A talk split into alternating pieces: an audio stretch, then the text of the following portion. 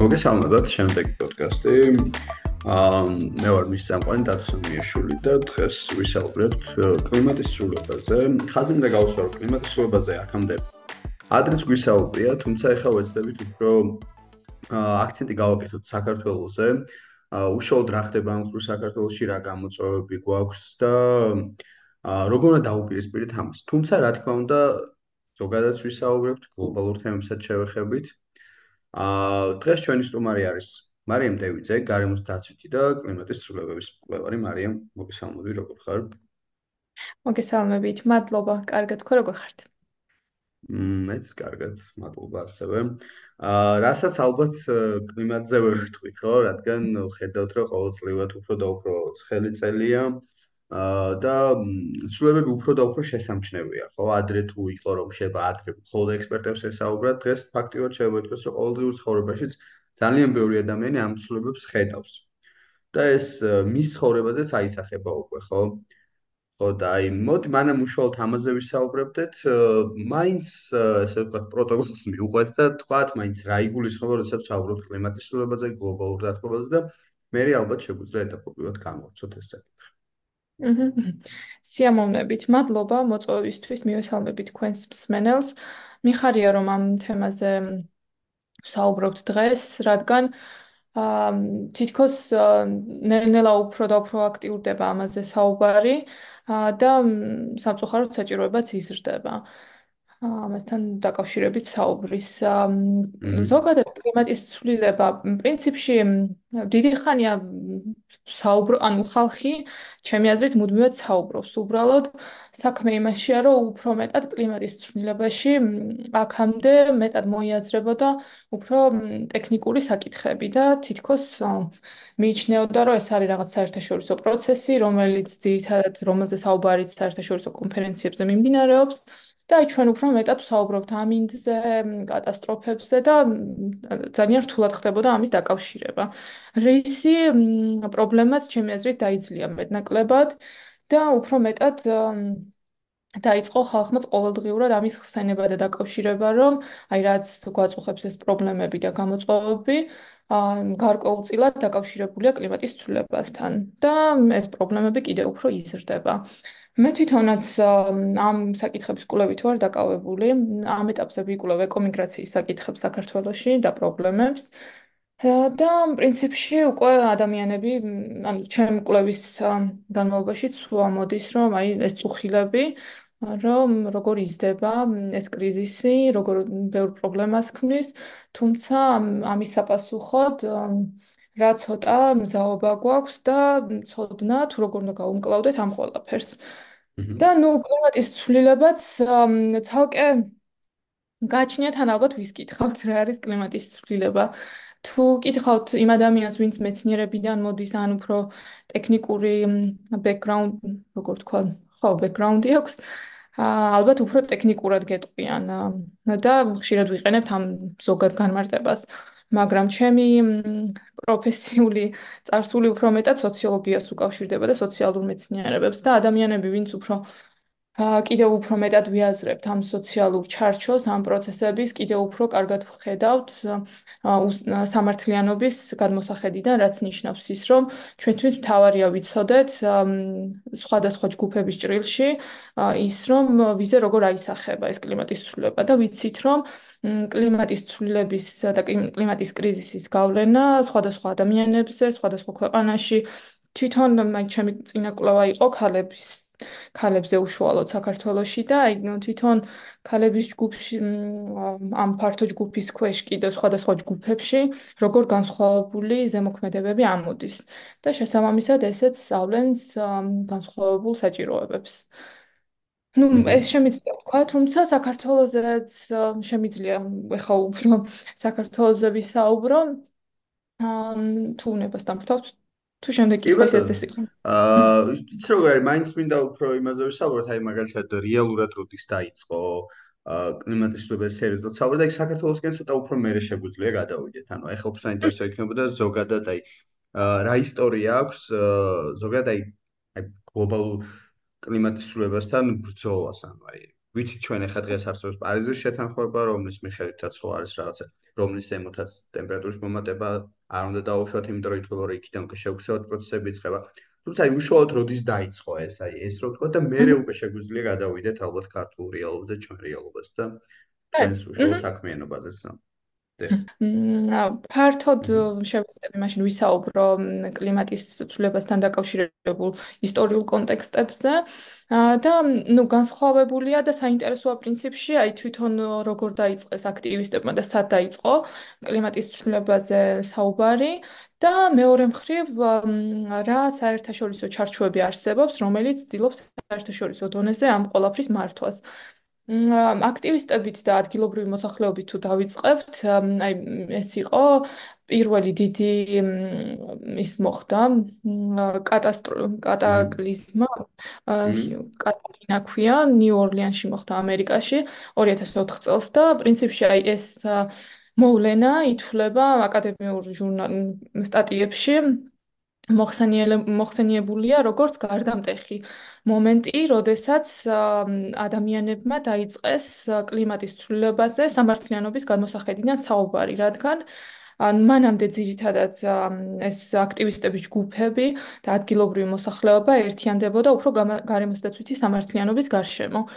და იყო რომ აი საუბრობდნენ მაგალითად, როდესაც უნდათ იგივე ნაგავსაყრელის მოწყობა, ბუნებრივი რესურსების მოპოვება, ამ ანუ უფრო მეტად ამ საკითხების გარშემო ერთიანდებოდნენ და შემდეგ უკვე ამ კატასტროფამ დაანახა ხალხს, რომ როგორი განსხვავებული ძირითადად დაზარალდნენ ეკონომიკურად დაბალი ფენა, აფროამერიკელი მოსახლეობა, რომელიც ცხოვრობდა ამერიკაში და ამის მერე, მოკლედ, დაიწყო ხალხმა და ნათლად დაინახა, რომ ეს არის კლიმატის კრიზისი და მისი ზემოქმედება არის მწვავე და მწვავე განსაკუთრებით არის უკვე ჩაგრული ჯგუფებისთვის ქვეყანაში და ეს თითქოს იყო გამაერთიანებელი კლიმატის კრიზისი და გარემოს დაცვითი სამართლიანობისთვის მებრძოლი ხალხისთვის და აი მას მერე თითქოს აი სამართლიანობის კონცეფცია ტი უფრო დღის წესრიგში შემოვიდა კლიმატის ცვლილების საკითხებთან ერთად, ზოგადად კლიმატის კრიზისთან ერთად.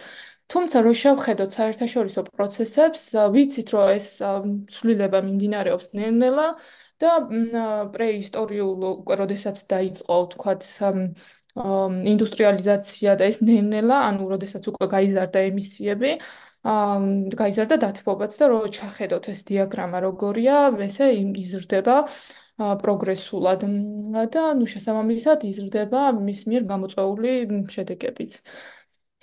და 1992 წელს იყო, როდესაც უკვე გაეროს კლიმატის ცვლილების ჩარჩო კონვენცია დაიდო რომელსაც შემდეგში უკვე ორი წლის მოგვიანებით მიუერთა საქართველოს და მისი წევრები თითქმის ყველა ქვეყანა, ასევე ევროკავშირი და სხვადასხვა გაერთიანებები, რომლებსაც უკვე დაევალა და რომლებმაც უშუალოდ დაიწყეს კლიმატის ცვლილებაზე საუბარი და ეს გახდა მთავარი მცდელობა და დღემდე ასე რჩება ეს ჩარჩო კონვენცია, რომელმაც უნდა რომელიც მართავს და ცდილობს დაარეგულიროს პოლიტიკურად ეს პროცესები, ანუ კლიმატის ცვლილებასთან ასოცირებული პოლიტიკები. და ნუ შემდეგში აი თქვენც ახსენეთ ეს კლიმატის პარიზის შეთანხმება. კი, 2015 წელს, რომელსაც მე მოგვიანებით საქართველოს მიუერთდა, ესეც ნუ ერთ-ერთი მთავარი საერთაშორისო ხელშეკრულება, რასაც ამ სფეროში მოღვაწე ადამიანები ყოველთვის ციტირებთ, ასევე ჩვენი სახელმწიფოებიც სხვა გზა არ აქვს ვერაულიან გვერდს. თუმცა მეორე საკითხია, რა თქმა უნდა, ეს არის საერთაშორისო შეთანხმება, მე ქვეყნებიში უკვე სხვანაირად ლოკალიზდება ეს აა თქვათ დაპირებები ყველა ქვეყანასთან მე თავის საჭიროების მიხედვით და გამოწვევების მიხედვით სხვადასხვა საკითხები ამოდის. და ნუ თან ეს კონვენციაც ისია პარიზის შეთანხმებაც ისია რომ განსხვავებული ვალდებულებები აქვს სახელმწიფოებს. ანუ საქართველოს განსხვავებული ვალდებულებები აქვს თქვათ გერმანიასთან შედარებით ამ პროცესში. და საინტერესოა ძალიან ხო აი განსხვავებებზე სხვა რო ვისაუბროთ თქო ძალიან დამაინტერესა აი კიდაც რა პასუხისგებლობები აქვს ჯერ ალბათ შეგვიძლია თქვა აი გერმანია ვახსენეთ მათ და შემდეგ აი რა განსხვავება რა პასუხისგებლობები აქვს საქართველოს? ან რას გულისხმობთ, აი რა განსხვავებებია და ისგან გამომდინარე, ალბათ მასშტაბებიდან გამომდინარეც რა თქმა უნდა, ხო, რესურსებიდან გამომდინარეც მოვიხმართ და ასე შემდეგ. კი, საინტერესოა ნამდვილად ეს საკითხი და სულ პრინციპში ჩვენთვის დღის წესრიგში დგას ანუ ამ სფეროს ხალხისთვის არის აი რაც ვახსენეს გაეროს კლიმატის ცვლილების ჩარჩო კონვენცია, რომელსაც ყავს თავისი ხელმომწერი მხარეები, ისინი იყოფიან ეს ჯგუფებად. ერთი ჯგუფი არის ის ქვეყნები, რომლებსაც განვითარებული ეკონომიკა აქვთ და მეორე, რომელიც განვითარებადი ეკონომიკის მქონე ქვეყნები. პირველი ჯგუფის ქვეყნები, პრინციპში და ესე თვითონ კლიმატის პარიზის შეთანხმებაშიც ასე წერია, რომ საერთო თუმცა განსხვავებული პასუხისმგებლობები. და ამაში იგულისხმება ის, რომ აი ამ განვითარებულ ქვეყნებს ევალებათ, რომ შეამცირონ თავიანთი ემისიები, თუმცა ასევე დაეხმარონ განვითარებადი ეკონომიკის მქონე ქვეყნებს, რომ ერთი მხრივ შეამცირონ ამ ქვეყნებმაც ემისიები და აირჩიონ უფრო გრადი განვითარების მოდელი თავიანთი ეკონომიკისთვის, ანუ უფრო ნაკლები გაფრქვევები, ანუ სათბური აირების გაფრქვევების ნაკლები გაფრქვევები ქონდეთ თავიანთი ეკონომიკის განვითარების კვალ და მეორე ამ ქვეყნებს ევალებათ ასევე რომ განვითარებად ქვეყნებს დაეხმარონ ადაპტირდნენ იმ ცვლილებებთან, რომლებიცაც ანუ რომლებიც გამოწვეული ამ ქვეყნებში კლიმატის კრიზისის გამო. და ნუ კიდე მიმდინარეობს თქვათ ეხა დისკუსიები, რომელიც არალიზიანისა და დანაკარგზე არის, რომელიც კიდე უფრო მოწყვლად ქვეყნებს ეხება.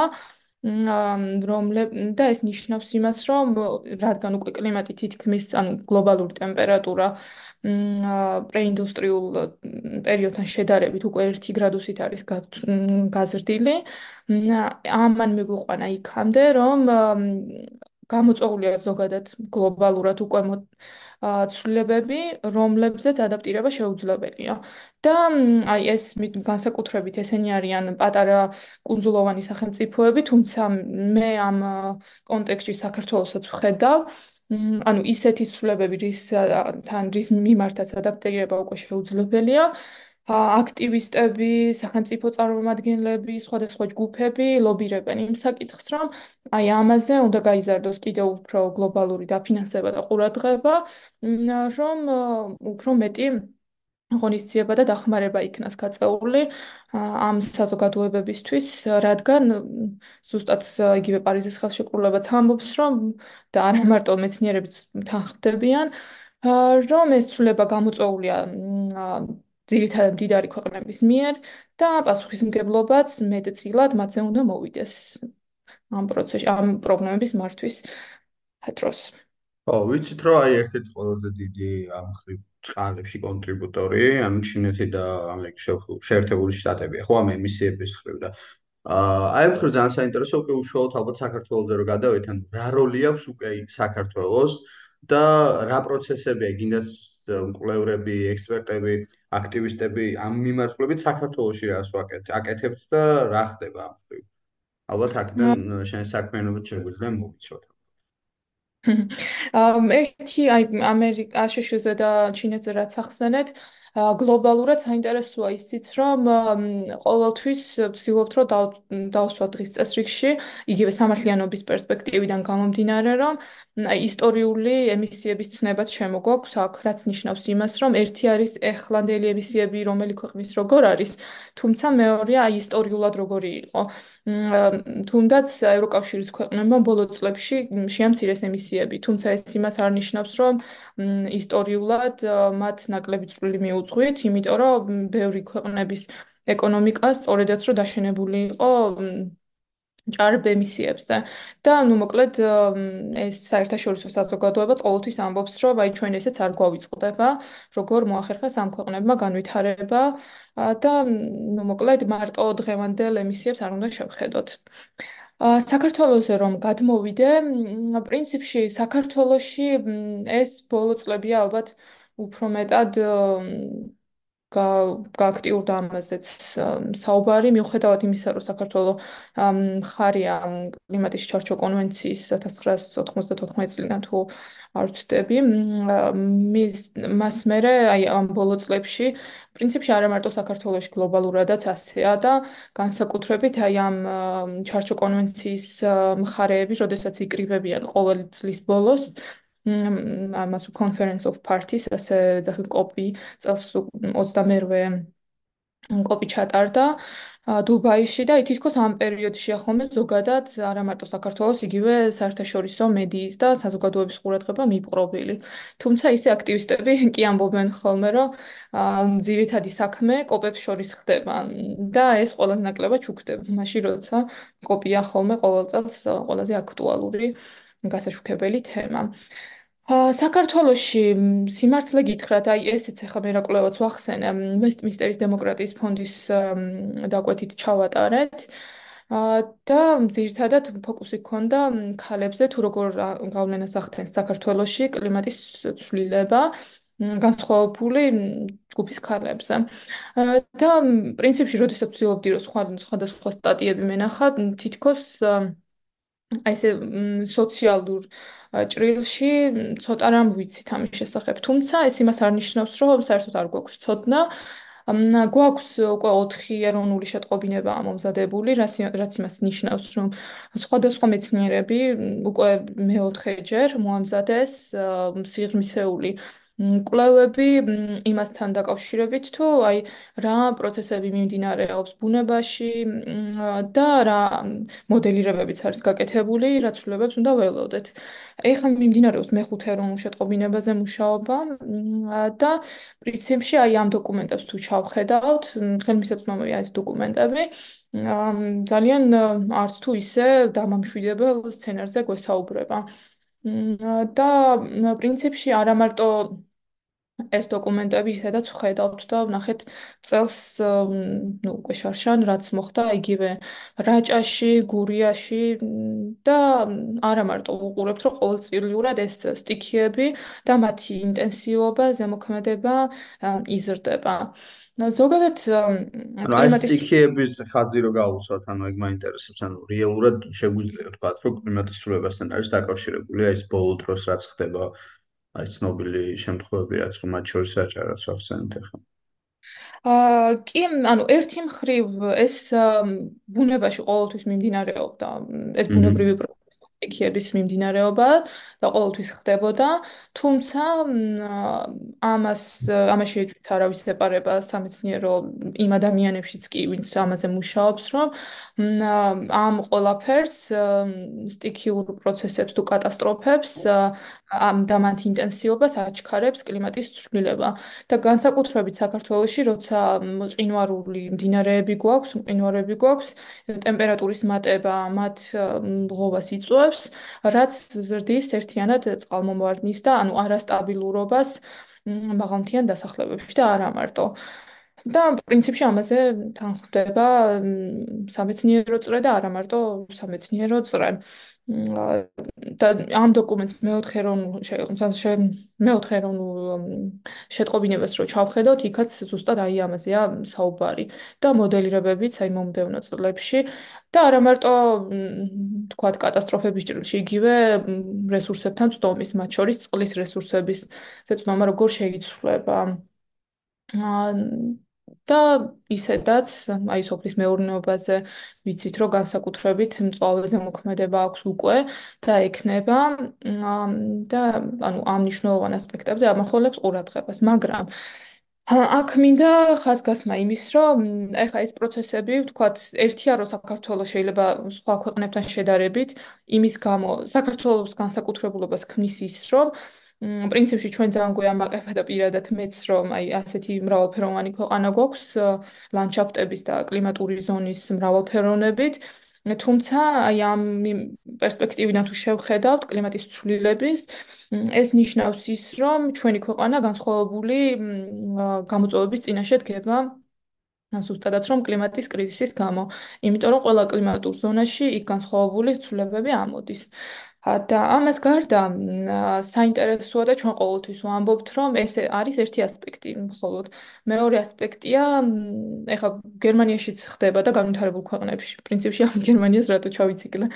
მაგრამ ან განვითარებულ ქვეყნებშიც მიმდინარეობს ეს საფრთხეები, თუმცა იმ იქ სისტემების განვითარება აზღებს ადამიანებს და ეკოსისტემებს, რომ ეს ზიანი არ იყოს ძალიან დიდი. ანუ იმის თქმა მინდა, რომ ნიშნულოვანია მეორე მხრიდან შევხედოთ ამ პროცესს, თუ რა მზაობა გვაქვს ჩვენ იმისთვის, რომ მოვახდინოთ სწრაფი რეაგირება, ან რეაგირებამდე პრევენცია მოვახდინოთ აი ამ საფრთხეების და რისკების. აი ეს არის ძალიან მნიშვნელოვანი, იმიტომ რომ ეს კლიმატის ცვლილება მიმდინარეობს გლობალურად მუშაობა, მაგრამ ვიცით, რომ შეიცვლება, სასურველია რომ და ანუ ეს ქვეყნები იღწვიან რომ რაღაცა ეტაპზე შეჩერდეს და შეიზღუდოს კლიმატის ცვლილება, თუმცა ვიცით, რომ მაინც ნელ-ნელა რაღაცა ეტაპამდე გაიზრდება კიდევ. სასურველია რომ 0.5-ით აღარ მოიმატოს და აქ შეჩერდეს მატება ტემპერატურის და ამას ისახავს მიზნად პარიზის შეთანხმებაც. აი, ამ ხრივ უშუალოდ საქართველოსში რა პროცესებია ფიზიკურ დონეზე რო ახსნათ, ანუ რა ხდება, რა კეთდება იმის, რომ ეს შევაჩეროთ. აა საქართველოში ზუსტად აი გააჩნია რომელ კლიმატურ ზონაზე ვისაუბრებთ, ძირითადად უფრო მეტად ყოფენ დასავლეთ და აღმოსავლეთ ნაწილებად და ასე უყურებენ და ვხედავთ რომ დასავლეთ საქართველოში იზრდება ტენი, იზრდება ეს მყინვარების დონობა ხელს უწყობს თქვა წყალმოვარდნების და წყალდიდობის საფრთხეებს და უფრო მეტად გახშირებულია თქვა ეს წვიმიანი ამინდები. თუმცა აღმოსავლეთში ეს დოკუმენტიც ამბობს, რომ იკლებს, ვთქვათ, წყლის რესურსზე ხელმისაწვდომობა და აი პრინციპში დაფხულში რომ შევხედავთ ალაზანს, ძალიან დამშრალი მოდის და ანუ წყლის პრობლემა იქნება, გაზრდილია უფრო გვალვიანი დღეების რაოდენობა.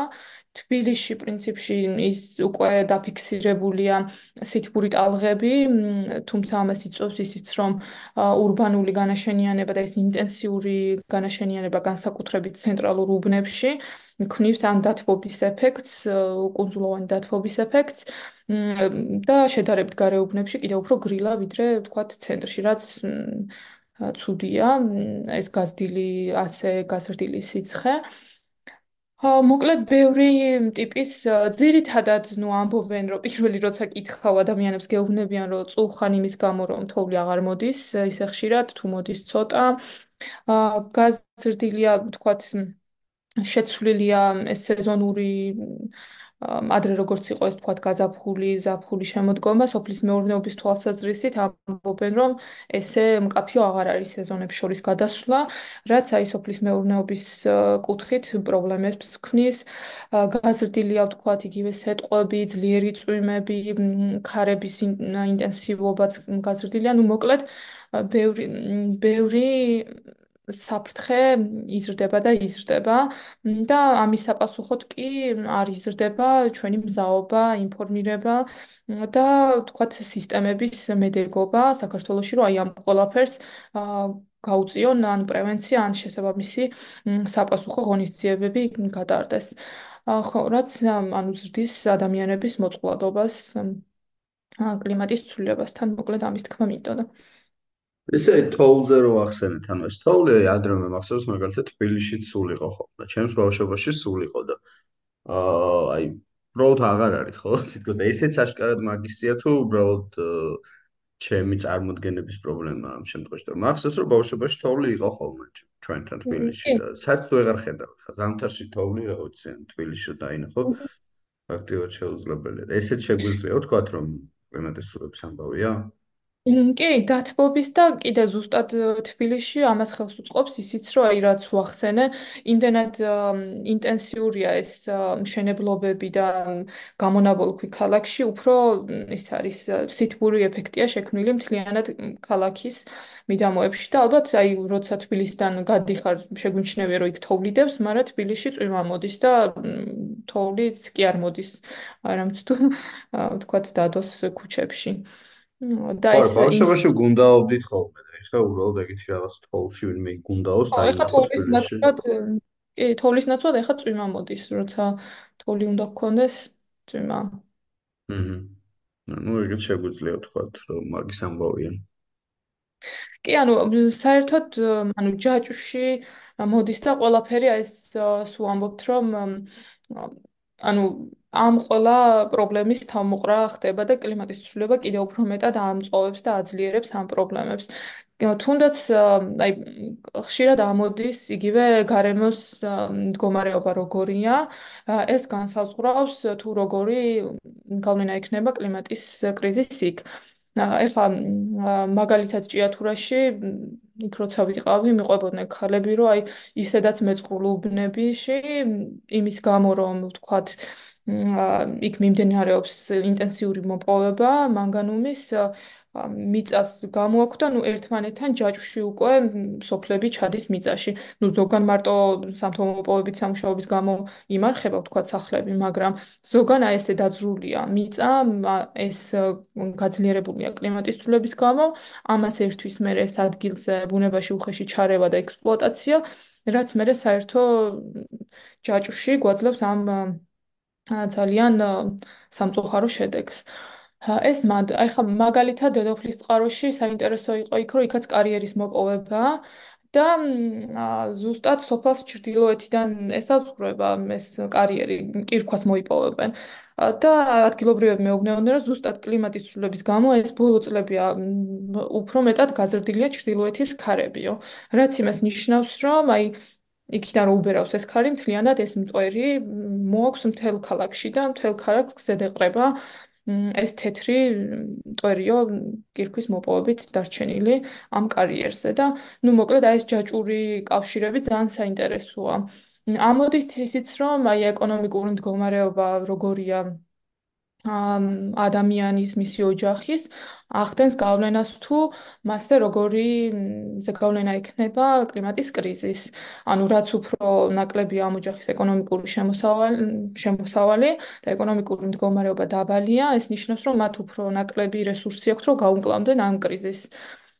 და პრინციპში ჩვენ კვლევაში ჩამოვიდა, რომ აი ძალიან ბევრი ოჯახია, ვინც სტიქიის და კატასტროფის რისკის ზონაში ცხოვრობს, ვისაც შემოსავალი ძალიან დაბალი აქვს, რაც იმას ნიშნავს, რომ ძალიან დიდი რაოდენობა ჩვენი ქვეყნის მოსახლეობის, ვინც ცხოვრობს, თქვათ, მაღალი რისკის ქვეშ. ასევე ისიც არის, რომ აი გააჩნია როგორი ტიპის საცხოვრებელში ცხოვრობს ადამიანი, ესეც თქვათ, აი იგივე სიცხეების დროს, სითბური ტალღების დროს ამ ადამიანებზე უფრო, თქვათ, მწვავეა ზემოქმედება. ასევე საინტერესოა ჯანმრთელობის მდგომარეობაც, აი ქრონიკული დაავადებები, ვისაც აქვთ ხანდაზმულები, ბავშვები, სითბური ტალღის ზემოქმედება და გვალვების ამ ადამიანებზე უფრო მაღალია.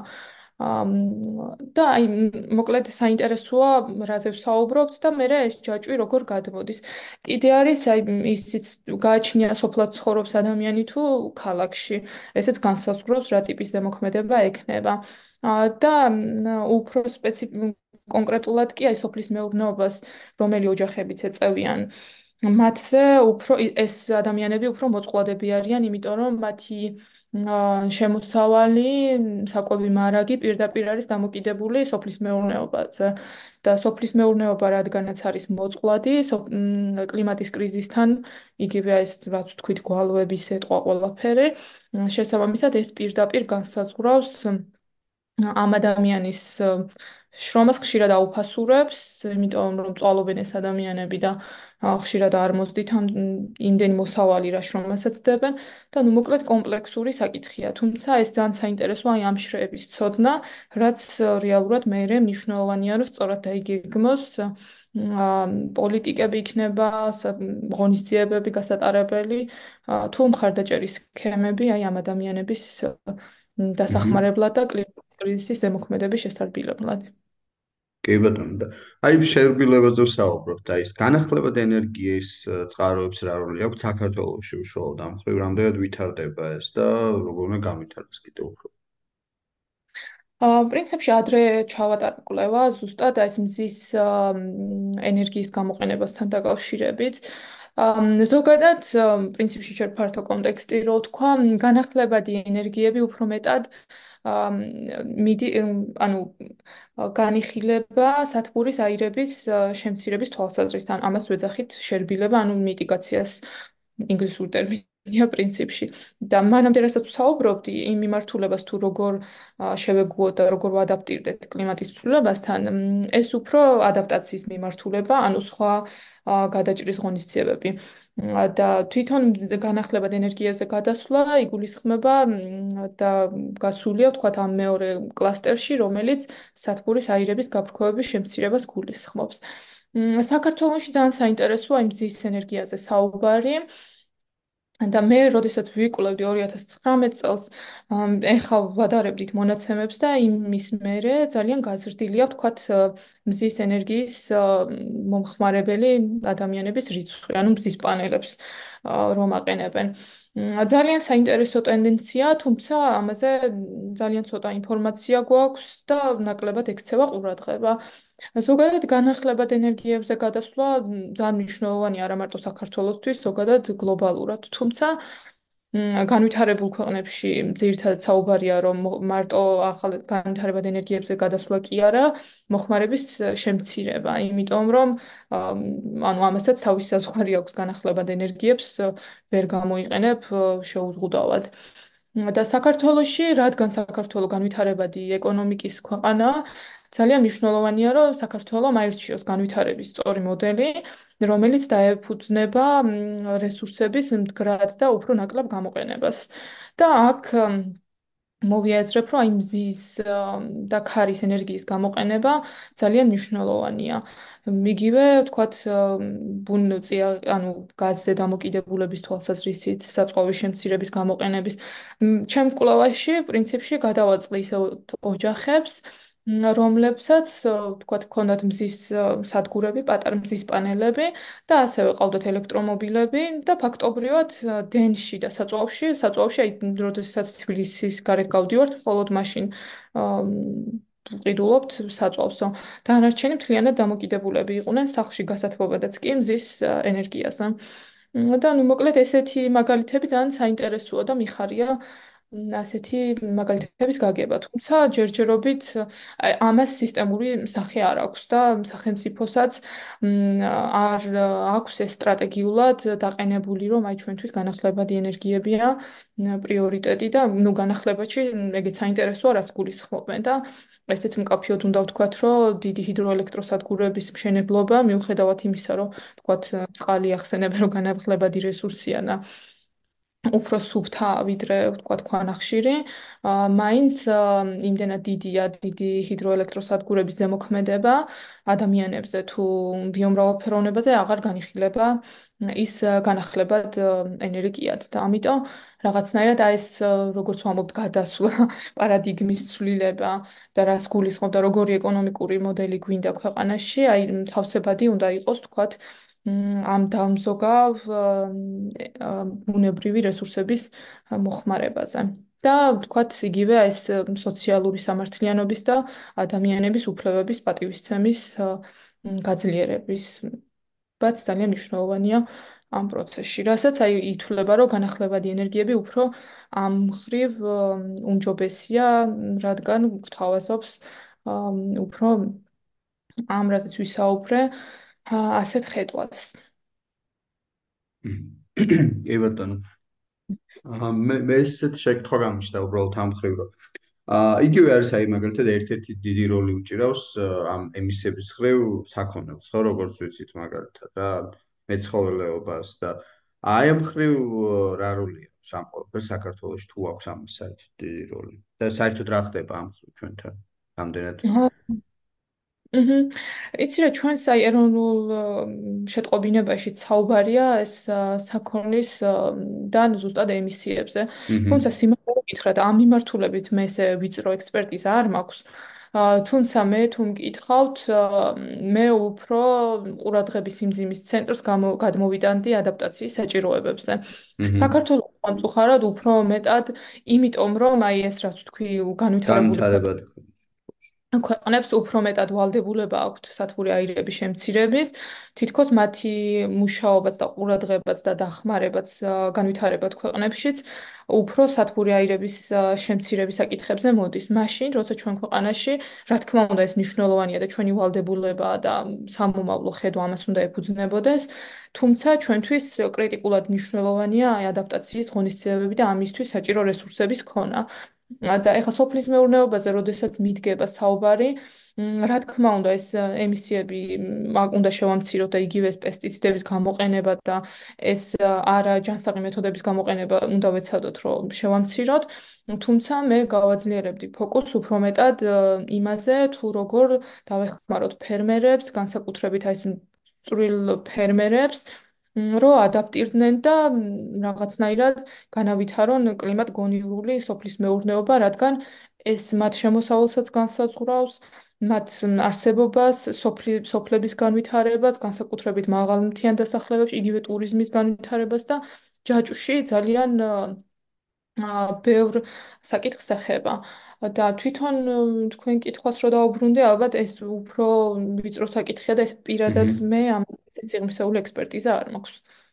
კი ბატონო. ხო, ანუ ეგ ძალიან საინტერესო პოინტი იყო, რაც ხა თქვენ თქვით, რომ ადაპტაცია არის რეალურად განვითარებადი ქვეყნებისთვის მთავარი, ხო, უფრო რეალურად. იმიტომ რომ მათ შორის ხა ჩვენი როლი ისე დიდი არ არის გულისხმობ სახელმწიფოს რა როლი შეიძლება იყოს დიდი ქვეყნების, ხო? ანუ კიდე საკლიმატის ცვლილებაში. კი, რო შევადაროთ საქართველოს წილი ემისიების თვალსაზრისით არის 0.04 გლობალურ დონეზე, მაშინ რომელიც ანუ თუ გვინდა რომ თუ თანხდების რომ ეს პროცესი გლობალურად იმართება და ყოველას ჩვენ ჩვენი წვლილი გვაქვს ამ პროცესში, რა თქმა უნდა, ეს უნდა იყოს ჩვენს დღის წესრიგშიც და რაც თქვი რომ აი სამომავლოდ ეკონომიკური განვითარების მოდელი ქვეყანაში როგორი იქნება ამაში და პრინციპში საქართველოს მაიღო ვალდებულება რომ 2050 წლისთვის უნდა გავხდეთ კლიმატ ნეიტრალური, ანუ ზერო, ანუ ნული ემისიური ქვეყანა 2050 წლისთვის.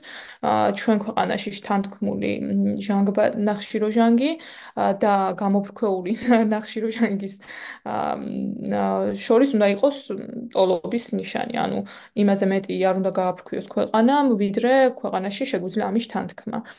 ამის პასუხისმგებლობა ვალდებულება აიღო სახელმწიფომ სტრატეგია მომზადდა ამის დაბალემისიური განვითარების აი ეს რამდენად რეალურია იმიტომ რომ ეს მეც მსმენია რომ ასეთი დავალდებულებები აქვს დიდ ქვეყნებს და ისინი ამისთვის იწებენ რაღაცებს ძალიან დიდ ბიუჯეტებს გამოყოფენ ხოლმე მათ შორის იყო ის რომ თუ არ ვწდები 250 წლისთვის ამერიკაში თითქმის ანუ ელექტრომანქანებზე უნდა ავტომობილებზე უნდა რომ გადავიდნენ და ასე შემდეგ. და ჩვენთან ამ ხრივ ანუ აი რა უნდა გაკეთდეს კიდაც და რამდენად დაიძრა ეგ პროცესი რეალურად ეხლა რომ საუბრობთ რომ 250 წლისთვის და რა ცვლილებებს მოიტანს ეგ ანუ აი რიგით ადამიანს რა შეეხება ასევე ეგ ცვლილებები ეგეც ძალიან საინტერესოა. იცი რა, ეს არის სტრატეგია. მე ამას ამას განსაზღვრავს სამოქმედო გეგმა და რა როგორ აპირებს სახელმწიფო რომ ამას მიაღწიოს და ნუ გამოყოფს ენერგეტიკის მიმართულება, მრეწველობა, ტრანსპორტი, სამშენებლო სექტორი და აი ღონისძიებების გატარებას ამ მიმართულებით. მაგრამ აი რამდენად რეალისტურია ეს ყველაფერი დადის პოლიტიკურ ნებაზე, ხო? და საქართველოს რამდენად აპირებს.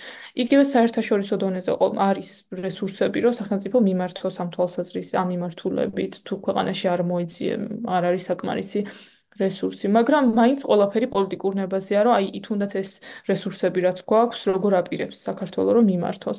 მაგრამ მე უფრო მეორე მხრივ ისევ აი ეს ადაპტაციის ღონისძიებები მაწუხებს და თუნდაც პრინციპში ნაკლებს საუბრობთ და არც გაჟღერებულა მედიაში და შეიძლება თქვენამდეც არ მოსულა ეს ინფორმაცია, რომ აი თუნდაც გურიაში ხა ჩემი ეკომიგრაციის კვლევის ფარგლებში გურიაში ვიყავი და მარტო აი ამ ერთ დღეს ერთ ღამეში მომხდარმა კატასტროფამ სახელმწიფომ აღწერა, რომ 656 ოჯახი გადასახლების წინაშე დააყენა. და ამდენი ოჯახი აქვს ზაღრიცხული სახელმწიფოს. მაშინ როცა მე რო ვიყავი, ვისაც ვეცაუბრე, არც ერთი ოჯახი არ იყო აი ამ რიცხვში. გაცილებით დიდია ამ ადამიანების რიცხვი, ვისაც უწევს გადასახლება. და სახელმწიფო საკმარის ანუ არ გამოყო საკმარისი რესურსი, რომ აი ეს ადამიანები უსაფრთხო ადგილას გადაიყვანოს. და ბიუჯეტში რო შევხედოთ, ეხა შარშანდელი ბიუჯეტი თუ იყო 7 მილიონი გამოყოფილი ეკომიგრანტების თვის სახლების უზრუნველსაყოფად და აქ გულისხმობ თან ეკომიგრანტები წლები ელოდებიან, ანუ 90-იან წლებში მოგვიანებით 2010 წლამდე ვინც გახდა ეკომიგრანტი, ისინიც კი არ არიან დაკმაყოფილებული. მაშინ როცა გურიაში აი შარშან მოხდა და შარშან იყო გამოყოფილი, უფრო სწორად ხო, შარშან 2022 წლის დამტკიცებულ ბიუჯეტში, ანუ 2023 წლის ბოდიში, იყო 7 მილიონი გამოყოფილი და ეხლა წლევანდელ ბიუჯეტში გამოყვეს 23 მილიონი. ესეც ვარაუდობ, იმიტომ რომ გურიაში ამ ოჯახებს დაეხმარონ. თუმცა ესეც არ იქნება საკმარისი რეალურად იმათი 10%-ის დასაფარად შარშან ვისაც დაჭირდა ვთქვათ რეალურად გადასახლება, იმიტომ რომ დინარებს განსაკუთრებით მაღალმთიან დასახლებებში ძალიან პრობლემატურია და არ ვიცი ძალიან მნიშვნელოვანია ამაზე ვისაუბროთ და ეს სისტემები გაძლიერდეს და რაღაცნაირად პრევენციული ღონისძიებებით რომ აი სადამდე შეიძლება ხო ესე მივიდეს და როგორ აპირებს სახელმწიფო ბიუჯეტი გაუმკლავდეს ამ პრობლემას. და ამის ალტერნატივად ზუსტადაც რომ მნიშვნელოვანია ვისაუბროთ პრევენციულ ღონისძიებებზე, რომ მიგდროულად მოხდეს, თქვათ ადგილ ადგილზე ამ პრობლემების გადაჭრა, ასევე წინასწარი შეტყობინების სისტემები, ადგილობრივი თვითმმართველობის როლის გაძლიერება და ნუ მოკლედ აი ამ მიმართულებით იმდენია სამუშაო იმის თქმა მინდა. რომ ამაზე წლების წინ უნდა დაწყებულიყო მუშაობა. როგორც ჩანს რაღაცა იყო მცდელობები, ძალიან ფრაგმენტული და ძალიან სუსტი და ამ სუსტმა, ანუ სუსტადაც კი ვერ შემორჩა ეს სისტემები, რომ რაღაცა დონეზე ინფორმაციას მაინც აგროვებდნენ. საერთოდ დიდი გეფია ჩვენს სისტემაში აი ამ მიმართულებით. ნუ 2050 წლისთვის ამ ყველაფერს ძალიან скеპტიკურად უყურებთ, რომ საქართველო აი ნულოვან მაჩვენებელზე გადავიდეს, ხო? არა, скеპტიკურად არ უყურებ. მე ვამბობ, რომ თუ მოინდომებს სახელმწიფო, აუცილებლად გადავა. უბრალოდ ამისთვის პოლიტიკური ნება და ძალისხმევა, შესაბამისი ძალისხმევაა გასატარებელი. და ნუ პირველ და ძალიან ბევრი რამე იქნება გასაკეთებელი და თუ ამის გაკეთება უნდა, რაც ძალიან შორი არ არის, შეიძლება ეხლა დღევანდელი გადმოსახედიდან ჩანდეს რომ შორია, მაგრამ არ არის და ეხლა რაც იყო მიზნები დასახული, თუნდაც სამოქმედო გეგმა ქონდა კლიმატის ცვლილების, ეხლა მიმდინარეობს მისი განახლება და იქიდანაც ვხედავთ რომ რაღაცები არ სრულდება. საჭიროა იმის გარკვევა თუ აი რაც არ სრულდება, რატო არ სრულდება და ისეთ აპირებებს ვიხوارჩავდეთ, რაც არ იყო რელევანტური, ან ისედაც ვერ განხორციელდებოდა. ან ინდიკატორები არ იყო სწორად განსაზღვრული. ну მოკლედ, აი ამაზე არის უფრო სიღრმისეული მუშაობა საჭირო. თუმცა ეგ რაც თქვით, თქვათ დაბალემისიური განვითარება, ეს ძირითადად გაფრქვევებთან დაკავშირებით არის და მე რაც ეკომიგრაციაზე ვსაუბრობდი, ეს უფრო ადაპტაციის პოლიტიკას ეხება, რაზეც ეროვნული გეგმა სამწუხაროდ ჯერჯერობით კიდევ არ გვაქვს ადაპტაციის მიმართულებით. მაგრამ ისიც არ ვიცი, რომ გქონდეს რამდენად მოხდება ეს პრობლემური საკითხები, იმიტომ რომ ინფორმაცია ამაზე არც სახელმწიფო უწყებებს არ აქვს, როგორც ჩანს და მონაცემებიც არ გროვდება. და მეორე მხრივ კიდე სახელმწიფო უწყებებიც ახლა ამ კლოვის ფარგლებშიც არ სურთ რომ ამ პრობლემაზე ისაუბრონ და იყვნენ გამჭირვალები. ანუ ვერც ერთ სახელმწიფო უწყებაში ვერ მოახერხე ინტერვიუს ჩატარება აი ამის თაობაზე. და ნუ მოკლედ ესე ძალიან დიდი პრობლემაა. თუ პრობლემის მოგვარება გვინდა, მოკლედ აი ეს პრიმიტიული პრობლემებიც კი მოსაგვარებელი გვაქვს. კი ბატონო. აა და მოდი აი ესე წარმოვიდგინოთ, ხო 2050 წელია და ეს პრობლემები მოგვარებული. როგორ როგორ რეალობა უნდა მივიღოთ გარდა გასაგებია ეს სიტყვის ტერმინის გარდა რომ ნულოვანი ემისიები უნდა იყოს ანუ ა როგორ წარმოგვიდგენია საქართველოს სიტყვაზე ამ კლიმატის ცვლილებებს რამდენად ადაპტირდება და რა გარემო იქნება მათ შორის ფერმერებისთვის რეგიონში მოსახლეობისთვის იმიტომ რომ ჩვენ ვიცით რომ ეს კლიმატის ცვლილება მაინც გრძელდება და რაღაც ეტაპზე თქვენ ახსენეთ რომ შეუცვლელია მაინც რაღაცეები და აი ამ ხრივი როგორ წარმოგვიდგენია ეს ესეთი მომავალი ხო, მე ზოგადად ოპტიმისტი ადამიანი ვარ და ესე დრამატულად ისე ვერ უყურებ, რომ აი დამიქცევით და აღარ ვიარსებებს. ძალიან ბევრი საფრთხე იქნება, რა თქმა უნდა, მაგრამ ეს კლიმატის ცვლილებაზე საუბარი განყენებულად არ მიმდინარეობს იგივე პოლიტიკური, სოციალური და ეკონომიკური პროცესებიდან. და ანუ იმის თქმა არ შემიძლია, რომ აი ეს რაღაცები შეჩერდება, ან ძალიან აუყვავდებით. ну, მოკლედ, ჩემთვის კომპლექსური საკითხია და უფრო ფართო თქვათ პარადიგმულ ხედვაზე ვრცელდება, რომ აი როგორი მინდა რომ იყოს ჩემი ქვეყანა. გარდა იმისა, რომ იქნება თქვათ უფრო მეტად მზად ამ პრობლემების გასამკლავებლად, რასაც კლიმატის ცვლილება იწვევს ჩვენთვის, ასევე მინდა რომ იყოს უფრო მეტად სამართლიანი და ზრუნავდე, იყოს ინკლუზიური და ზრუნავდეს აი ამ სხვადასხვა მოწყვლად ჯგუფებზე ქვეყანაში და თქვათ არ ხედავდეს ეს პოლიტიკა მხოლოდ თქვათ იგივე ისევ დომინანტურ ჯგუფებს და ჩემთვის მთავარია მთავარი ინდიკატორი იქნება ის თუ აი როგორ ახერხებს როგორ მოახერხებს ქვეყანა რომ ხარი დაუჭიროს და კონდეს სისტემურად მზაობა და საჭირო მხარდაჭერის მექანიზმები თუნდაც შიშიმ ადამიანებისთვის ეკომიგრანტებისთვის დევნილებისთვის და ის რომ აი თქვათ და აღარ მოგვიწევს საუბარი იმაზე, რომ აი გარემოს ექსპლუატაცია შეჩერება ძალიან მნიშვნელოვანია, იმიტომ რომ იმიტომ რომ იმიტომ.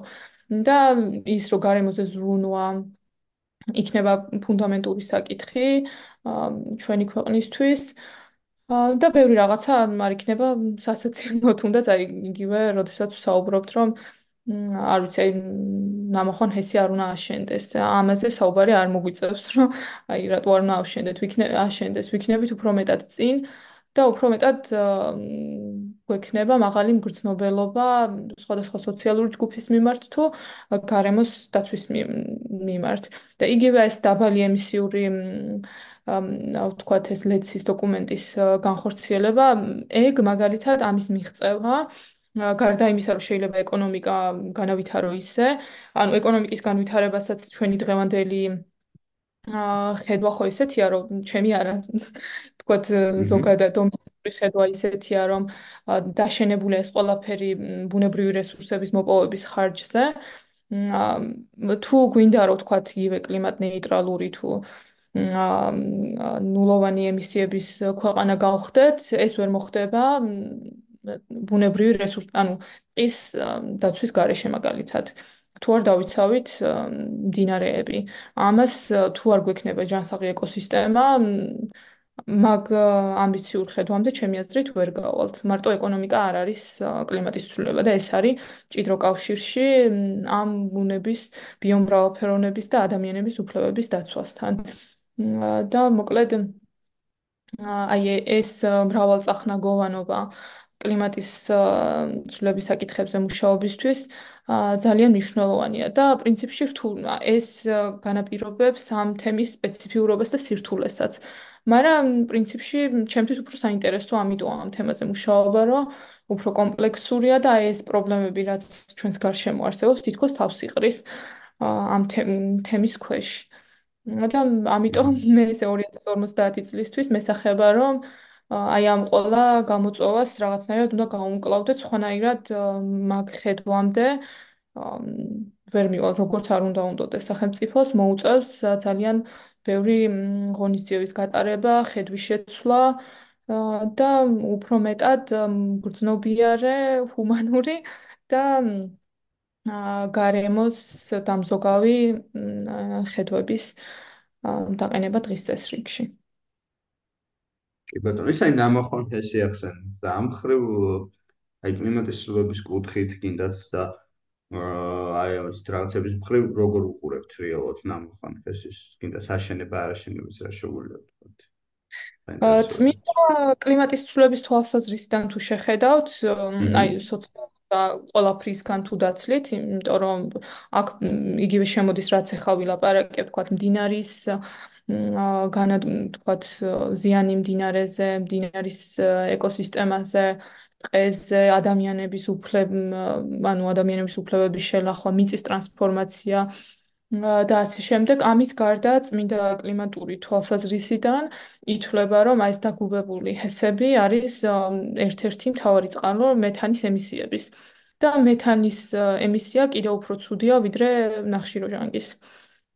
იმიტომ რომ უფრო მაღალი სითბო ეფექტი აქვს და მოკლედ ამიტომ კლიმატის გადმოსახედიდან და პრინციპში გლასგოში 26 კოპი იყო და იქ დაწერეს ერთ-ერთი ის იყო და სხვათა შორის საქართველოს მოაწერა ხელი.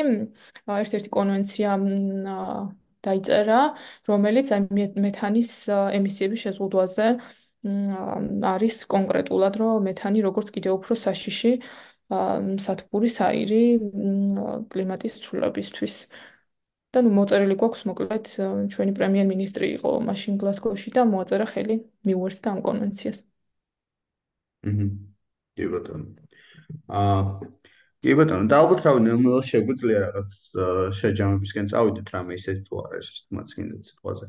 აა უბრალოდ აი მე მაინტერესებს სიტყვაზე დაუშვათ წარმოვიდგინეთ ხო ეს თქვით რომ რაღაც მომავალი როგორ წარმოვიდგინეთ რაღაც მაგრამ აა საბოლოოდ მაინც აი კიდაც გლობალურად, კიდაც საქართველოში როგორ ხედავთ მომავალს კლიმატის ცვლილების მხრივ, ანუ იმიტომ რომ ჩვენ ხო ვიცით რომ ეს პროცესები ზოგადადაც ანუ ეს ვიცით რომ ადამიანის მიერ არის ეხა დაჩქარებული ეს პროცესები ადამიანის ჩარევსგან, მაგრამ პლანეტას ეს მიდრეკილებები ყოველთვის ქონდა, ხო იყო გამყინვარებასაც ეძახიან გლობალურ დათბობას და ასე შემდეგ. მე სულ მიჩნდება ხოლმე შეკითხვა, აი სულაც რომ ჩვენ ჩვენი ესე ვთქვათ, წვლილი ან დავიყვანოთ ნოლამდე შევამციროთ, რა სადამდე შეიძლება მიგვიყვანოს თვითონ ამ კლიმატის ცვლილება, იმიტომ რომ ამ ეტაპზე ვხედავთ, რომ ეს მართლა ძალიან დაჩქარებულია, ხო იგივე ეს ის ვახსენეთ თბილისში ვახსენეთ, რომ ჩემ ბავშვობაში მართლა სხვა რეალობა იყო ზამთარში და ვხედავ, რომ ეხლა უკვე სხვა რეალობაა. ანუ მე ვცხოვრობ თბილისში, მაგრამ ამას უბრალოდ ვხედავ. თვალითაც დასანახია და აი ეს მეფიქრებს ხოლმე, რომ ანუ მარტო ჩვენ თქვა თავდება ხო რაღაც სიცოცხლე გინდა ჩვენი თაობით ამ პლანეტაზე და სადამდე შეიძლება ზოგადად ასეთი კლიმატის ცვლილება მიდიოდეს რამდენად ამან შეება საფრთხე შეუქმნას ფლორა ფაუნას ხო? ანუ სხვა ცხოველებს იმ ორგანიზმებს რომლებიც შეიძლება ადაპტირება ვერ მოასწრონ ასეთ კლიმატურ ცვლილებებს აი აი ეს ზოგადად სიცოცხლეს რამდენად შეიძლება საფრთხე შეუქმნას აა დედამიწაზე ამ ცვლილებამ აი ეს მაინტერესებს. კი კი, ზოგადად ვამბობთ, რომ და ასია, რომ ეს არ არის მხოლოდ კლიმატის კრიზისი და ამას ვეძახით ბიომრავალფეროვნების კრიზისაც, რომ იგივე კლიმატის ცვლილების გამო თუ ასევე ადამიანების გამო, რომლებიც თქვათ ესე არ ეპყრობიან ბიომრავალფეროვნებას პატივისცემით ამდგრადად, მოკლედ შემცირებულია სახეობების რაოდენობა პლანეტაზე და ნუ ვიცით რომ თქვათ იგივე ტემპერატურის მატება თუ არ შევაჩერეთ, კიდე უფრო ბევრი სახეობა დადგება გადაშენების წინაშე სამწუხარო და ის სწორედ ეს არის რომ ეს აჩენს და ქმნის კიდე უფრო მნიშვნელოვანს საერთაშორისო თანამშრომლობის და ну ამას ისახავს მიზნად ეს გაეროს მოლაპარაკებებიც, კონვენციებიც, რომ როგორღაც საერთაშორისო დონეზე დარეგულირდეს, იმიტომ რომ ქვეყნებში ზოგიერთი ქვეყნის ცალ-ცალკე ახლა საქართველოს მართლა ნულამდე რო დაიყვანოს, მარტო საქართველოს წვლილი გლობალურად ვერ შეცვლის და ვერ შეაჩერებს ამ პროცესს და მოკლედ ყველა ქვეყანას და არა მარტო ქვეყანას შემდეგ უკვე დადის ინდივიდებზე და ზოგადად მთლიანი სისტემის ცვლილების საჭიროებას ავლენს ეს პროცესი, რომელიც ეს კაპიტალისტური მომხმარებლური ლოგიკის კან გასვლას გულისხმობს. იგივე თუნდაც ეს განახლებადი ენერგიები ვიცით, რომ ძალიან მნიშვნელოვანია, საჭიროა ეს ახალი ტექნოლოგიები.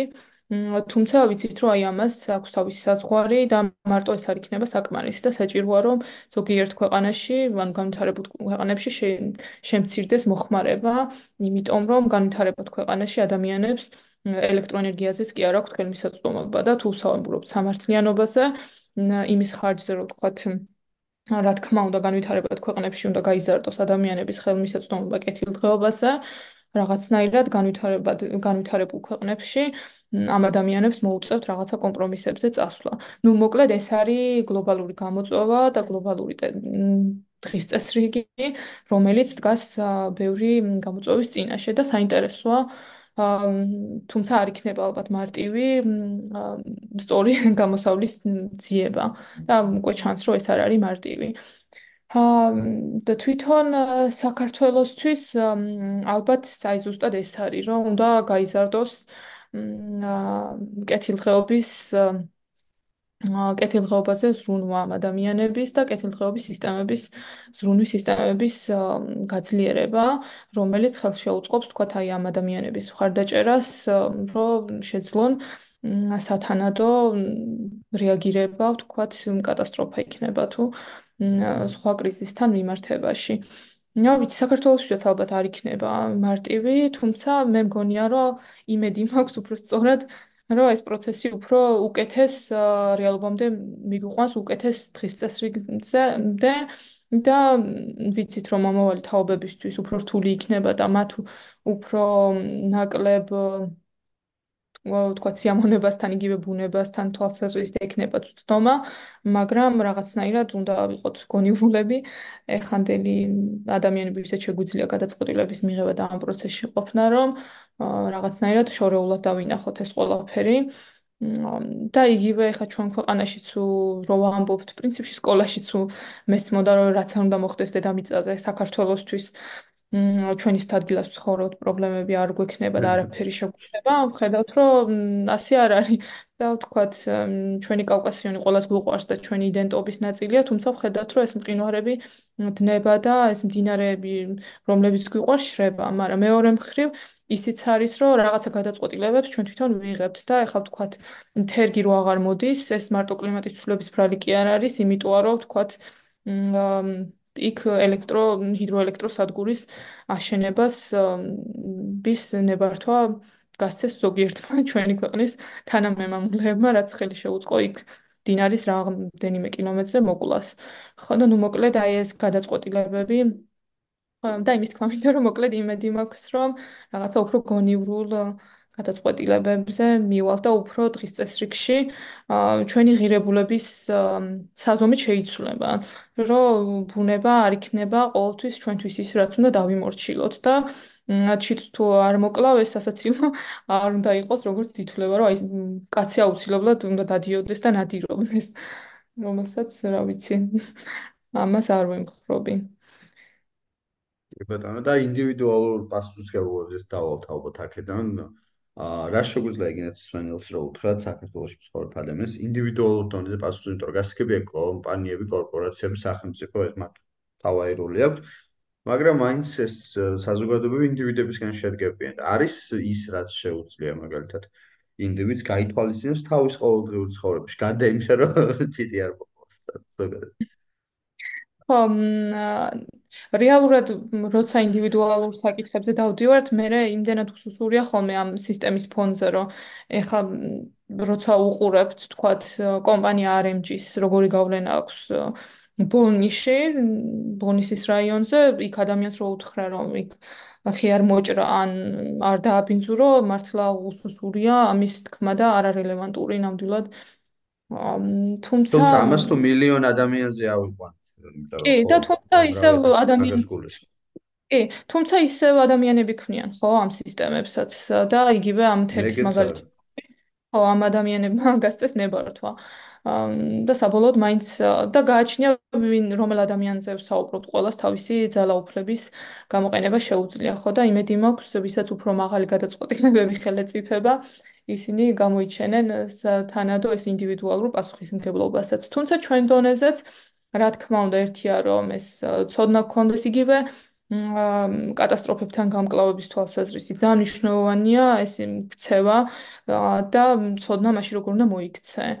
ან იგივე ვისაც შეუძლია და ეხლა ვერ მოსთხოვ თქვა ფერმერს რომელსაც ყოველ წელს ესე წყვება მოსავალი რომ გინდა თუ არა მზის პანელები დააყენებ როცა იმასაც ვერ აკეთებს რომ თქვა სეტყვის ის კონდეს დამცავი. თუმცა როგორც შესაძლებელია, ყველამ თავისი წვლილი რომ შეიტანოს ამ პროცესში, გარემოზე ზრუნვა იქნება კლიმატზე თუ სხვა ადამიანებზე, რა თქმა უნდა, მნიშვნელოვანია. აჰა. კი ბატონო. მადლობა. მადლობა მარიამ.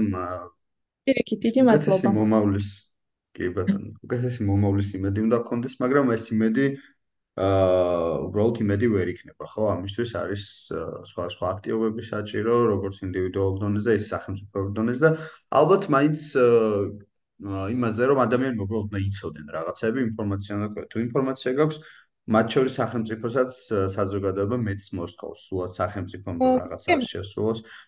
ამ ხრივ ინფორმირება საზოგადოების ხაზის გასმა იმის თუ რა ხდება ჩვენს გარშემო, ალბათ ეს მაინც ყველაზე მნიშვნელოვანია, იმიტომ რომ სახელმწიფო, ხო, აჰა. იმასაც დავამატებ, რომ პრინციპში, ну, იმედი უნდა გქონდეს და მე ჩემი იმედი პრინციპში ესე ჰაერზეც არ არის, რადგან აი ხედავ, რომ ბევრი საინტერესო მაგალითებია, ბევრი ადამიანი ცდილობს უკეთესი გარემო შექმნას მის გარშემო, რაც აი მაგალითად იგივე ის ოფლის მეურნეობასთან მეურნეობის თვალსაზრისით უყურებთ, რომ ვიღაცა ადამიანები ქმნიან კოოპერატივებს, რომელიც ვთქვათ, ზის მათ მედეგობასაც კლიმატის ცვლილებასთან თვალსაზრისით და უფრო ძლიერდებიან წარმოების თვალსაზრისით. ასევე ვხედავთ, რომ არიან ჯგუფები, ვინც იბრძვიან, ვთქვათ, გარემოს გადარჩენისთვის და ან საზოგადოებრივ სივრცეებზე უფლების დაბრუნებისთვის. ვცდილობენ, რომ უფრო ღია სივრცეებში გამართონ შეხვედრები და უფრო მეტად დაუახლოვდნენ ბუნებას. კიდევ ანუ თუნდაც ეს პატარ-პატარა საწარმოების გაჩენა, რომლებიც ქმნიან კარგ მაგალითებს, როგორი უნდა იყოს გარემოსადმი მეგობრული წარმოება, ამის მაგალითებსაც ქმნიან და ვცდილობენ, რომ სხვებსაც დაეხმარონ და მიმართულება მისცენ. მოკლედ იმის თქმა მინდა, რომ არის ჩვენს გარშემო რაღაცა პატარ-პატარა, ძალიან პატარები არიან, თუმცა მაგალითები, რომლის მხარდაჭერაც სახელმწიფოსთვის მნიშვნელოვანი უნდა იყოს, რომ ისინი თუ გაძლიერდებიან, ისინი უკეთეს მომავალს შექმნიან არა მარტო თავიანთვის, ზოგადად გარშემო და მეორე სისტემურადაც. ხო და ნუ მოკლედ იმედი მაქვს, რომ ეს ასეთი მაგალითები და დარწმუნებული ვარ თქვენს გარშემოც არის უფრო მეტად გამრავლდებიან და მოძლიერდებიან ისე რომ რაღაცნაირად გასაწევი ძალა იქნებიან უკეთესი ცვლილებების მოსახდენად. კი ბატონო. მეც მაგის იმედი მაქვს და აა ну რა ვიცი ხა ესეთი მსგავს თემებზე საუბარი ზოგადად. მათ შორის ეს პოდკასტიც იმედი ვიქონით რომ რაღაცა პატარა წვლილს შეიტანს ამ საქმეში და ვიღაცა კონკრეტულ ადამიანამდე რა ერთ ადამიანამდეც რომ მიიტანო ინფორმაცია ეს ბევრად მეტია ვიდრე ერთი ადამიანთან მიიტანო ინფორმაცია რომ შემდეგ ის სავარაუდოდ სხვას მიეწვის ინფორმაცია და შეიძლება ჯაჭვური რეაქცია გააჩინო ასე რომ განსაკუთრებით ჯუნ თავისი ხო. ძალიან დიდი როლი გაქვთ ამ პროცესში და ეხლა თქვენ შემთხვევაში მიხარია რომ ამ თქვენს ძალაუფლებას ამ საქმისთვის იყენებთ აი ამ კონკრეტულ მომენტში. მადლობა. კი ბატონო. პირიქით მადლობა თქვენ და წარმატებას გისურვებთ თქვენ საქმიანობაში და ზოგადად ამ მიმართულებით. მადლობა თქვენ. მადლობა მსმენელსაც. მადლობა მსმენელსაც რომ მოგვისმინა და როგორც ვთქვით ერთი ადამიანის მიერ მიღებული ინფორმაციაც დიდი ძალაა და შეიძლება იყოს ბევრად უფრო მასშტაბური იმაში გადაიქცეს.